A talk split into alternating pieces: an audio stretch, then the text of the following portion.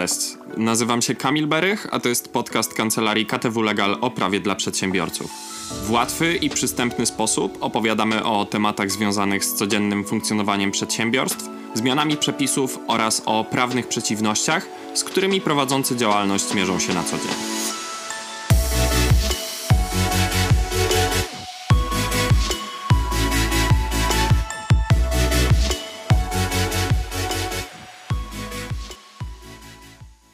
Dzisiaj opowiem Wam o sankcjach za niezłożenie sprawozdania finansowego. Zgodnie z artykułem 69 ustawy o rachunkowości, dokumenty finansowe, w tym m.in. sprawozdanie finansowe jednostki, powinny zostać złożone we właściwym rejestrze sądowym w terminie 15 dni od daty zatwierdzenia rocznego sprawozdania finansowego.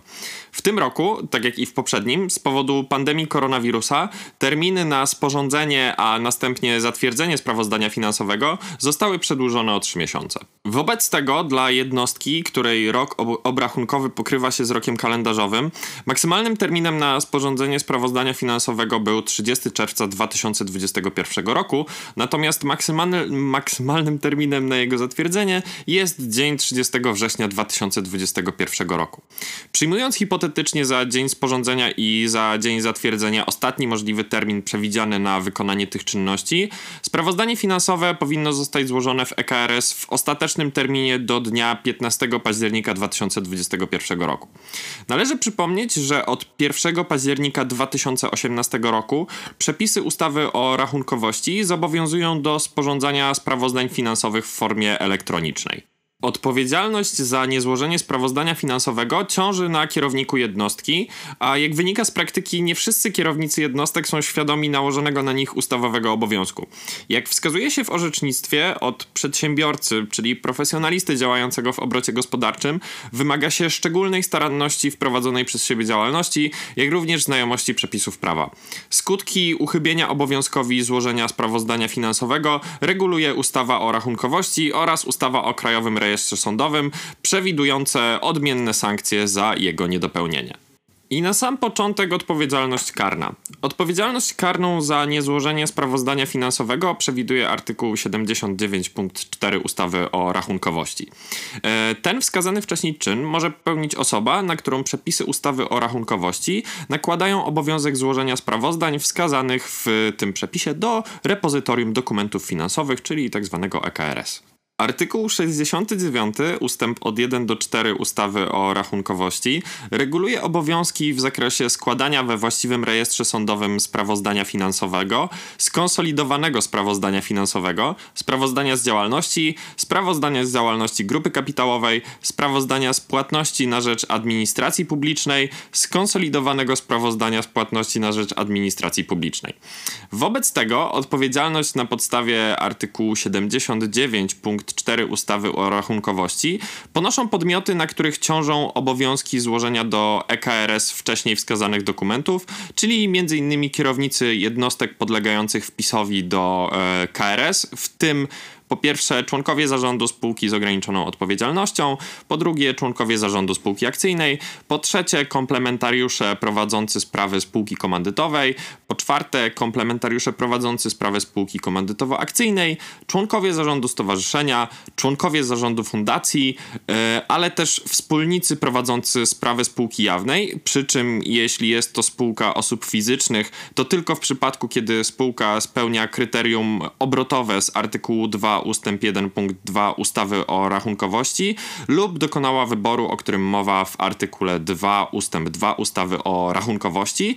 No i e, też odpowiedzialności podlegają wspólnicy czy też partnerzy prowadzący sprawy spółki partnerskiej lub członkowie zarządu spółki partnerskiej, w zależności od powołanych w spółce organów, na podstawie artykułu 97 kodeksu spółek handlowych, pod warunkiem, że spółka spełnia kryterium obrotowe albo dokonała wyboru, o którym mowa właśnie w artykule 2 ustęp 2 ustawy o rachunkowości. Co istotne, w przypadku, gdy kierownikiem jednostki jest organ wieloosobowy, np. wieloosobowy zarząd, odpowiedzialność ponoszą wszyscy członkowie tego organu. W przypadku jednostki będącej spółką jawną osób fizycznych lub spółką partnerską, której przychody netto ze sprzedaży towarów, produktów i operacji finansowych za poprzedni rok obrotowy wynosiły mniej niż równowartość w walucie polskiej 2 milionów euro, kierownik takiej jednostki składa w właściwym rejestrze sądowym w terminie 6 miesięcy od dnia kończącego rok obrotowy oświadczenie o braku obowiązku sporządzenia i złożenia rocznego sprawozdania finansowego. Jednocześnie trzeba zaznaczyć, że w przypadku podmiotów w likwidacji, w restrukturyzacji bądź w upadłości, zobowiązanymi do złożenia sprawozdań finansowych będą odpowiednio likwidator, zarządca ustanowiony w postępowaniu re restrukturyzacyjnym lub syndyk. Dla stwierdzenia popełnienia przestępstwa, jakim jest niezłożenie sprawozdania finansowego, nie ma znaczenia to, czy w wyniku jego niezłożenia do rejestru doszło do wyrządzenia jakiejś szkody bądź wprowadzenia kogoś w błąd. Czyn zabroniony, o którym mówiłem wcześniej, zagrożony jest karą grzywny lub karą ograniczenia wolności. Grzywnę wymierza się w stawkach dziennych, przy czym liczba stawek dziennych wynosi od 10 do 540, a wysokość jednej stawki dziennej od 10 y, do 2000 zł, a zatem maksymalna dopuszczalna wysokość grzywny może wynieść nawet ponad milion złotych, chociaż w praktyce nie jest to spotykane. Karą ograniczenia wolności wymierza się natomiast w miesiącach i latach, przy czym kara ta trwa najkrócej miesiąc, a najdłużej dwa lata. Kara ograniczenia wolności może polegać na obowiązku wykonywania nieodpłatnej, kontrolowanej pracy na cele społeczne w wymiarze od 20 do 40 godzin w stosunku miesięcznym, albo potrąceniu od 10 do 25% wynagrodzenia za pracę w stosunku miesięcznym na cel społeczny wskazany przez sąd. Co istotne, istnieje możliwość, aby sąd odstąpił od wymierzenia kary, jeżeli orzeknie jednocześnie środek karny, przepadek lub środek kompensacyjny, a cele kary zostaną w ten sposób spełnione. Wobec sprawcy niezłożenia sprawozdania finansowego mogą zostać orzeczone następujące środki karne. Może być to zakaz zajmowania określonego stanowiska albo wykonywania określonego zawodu, może być to też zakaz prowadzenia określonej działalności gospodarczej, jeżeli dalsze jej prowadzenie zagraża istotnym dobrom chronionym prawem. Wobec sprawcy y, tych wcześniej wskazanych przestępstw można zastosować także środek związany z poddaniem sprawcy próbie w postaci warunkowego umorzenia postępowania. Wysokość sankcji może być zróżnicowana i jest uzależniona od zaistniałego stanu faktycznego. Dla przykładu, w wyroku z 25 kwietnia 2018 roku pod sygnaturą akt 12K 211 łamane na 16 e, Sąd Okręgowy w Warszawie wymierzył prezesowi spółki za każdy rok z 5 lat, w których nie składał sprawozdań finansowych, grzywnę w wysokości 80 stawek dziennych, ustalając wysokość jednej stawki na 10 zł. Sąd Okręgowy w Poznaniu w wyroku z 4 kwietnia 2018 roku o sygnaturze 4KA 23 łamane na 18 zasądził wobec prezesa, który przez 4 lata nie składał sprawozdań finansowych, łączną karę grzywny w postaci 150 stawek dziennych, ustalając wysokość jednej stawki na 20 zł. Odrębnie należy odnieść się do sankcji za niezłożenie sprawozdania finansowego, które nałożyć na kierownika jednostki może sąd rejestrowy. Zgodnie z artykułem 24 ustawy o Krajowym Rejestrze Sądowym, w przypadku stwierdzenia, że dokumenty, których złożenie jest obowiązkowe, nie zostały złożone pomimo upływu terminu, sąd rejestrowy wzywa obowiązanych do ich złożenia, wyznaczając dodatkowy siedmiodniowy termin i sąd dokonuje wezwań pod rygorem zastosowania grzywny przewidzianej w przepisach kodeksu postępowania cywilnego o egzekucji świadczeń niepieniężnych e, i w jednym postanowieniu postanowieniu sąd może wymierzyć grzywnę nie wyższą niż 15 tysięcy złotych.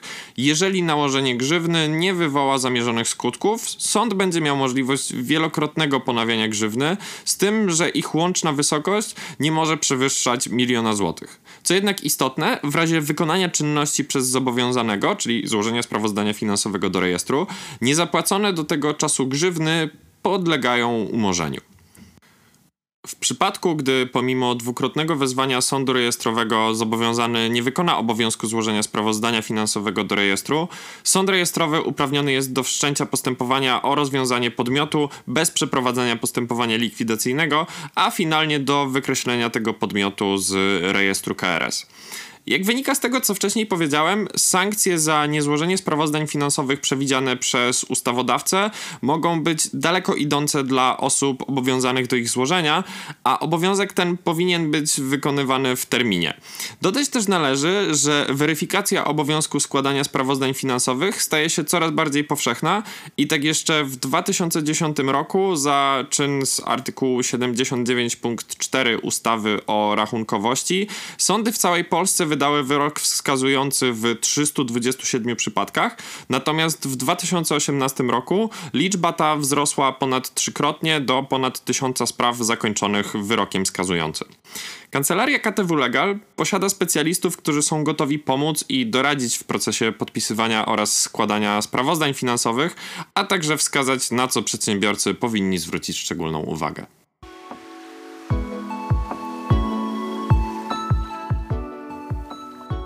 To był podcast Kancelarii KTW Legal. Więcej o prawie dla przedsiębiorców możesz znaleźć na stronie www.ktw.legal oraz na naszych fanpage'ach na Facebooku i na LinkedInie. Zapraszamy.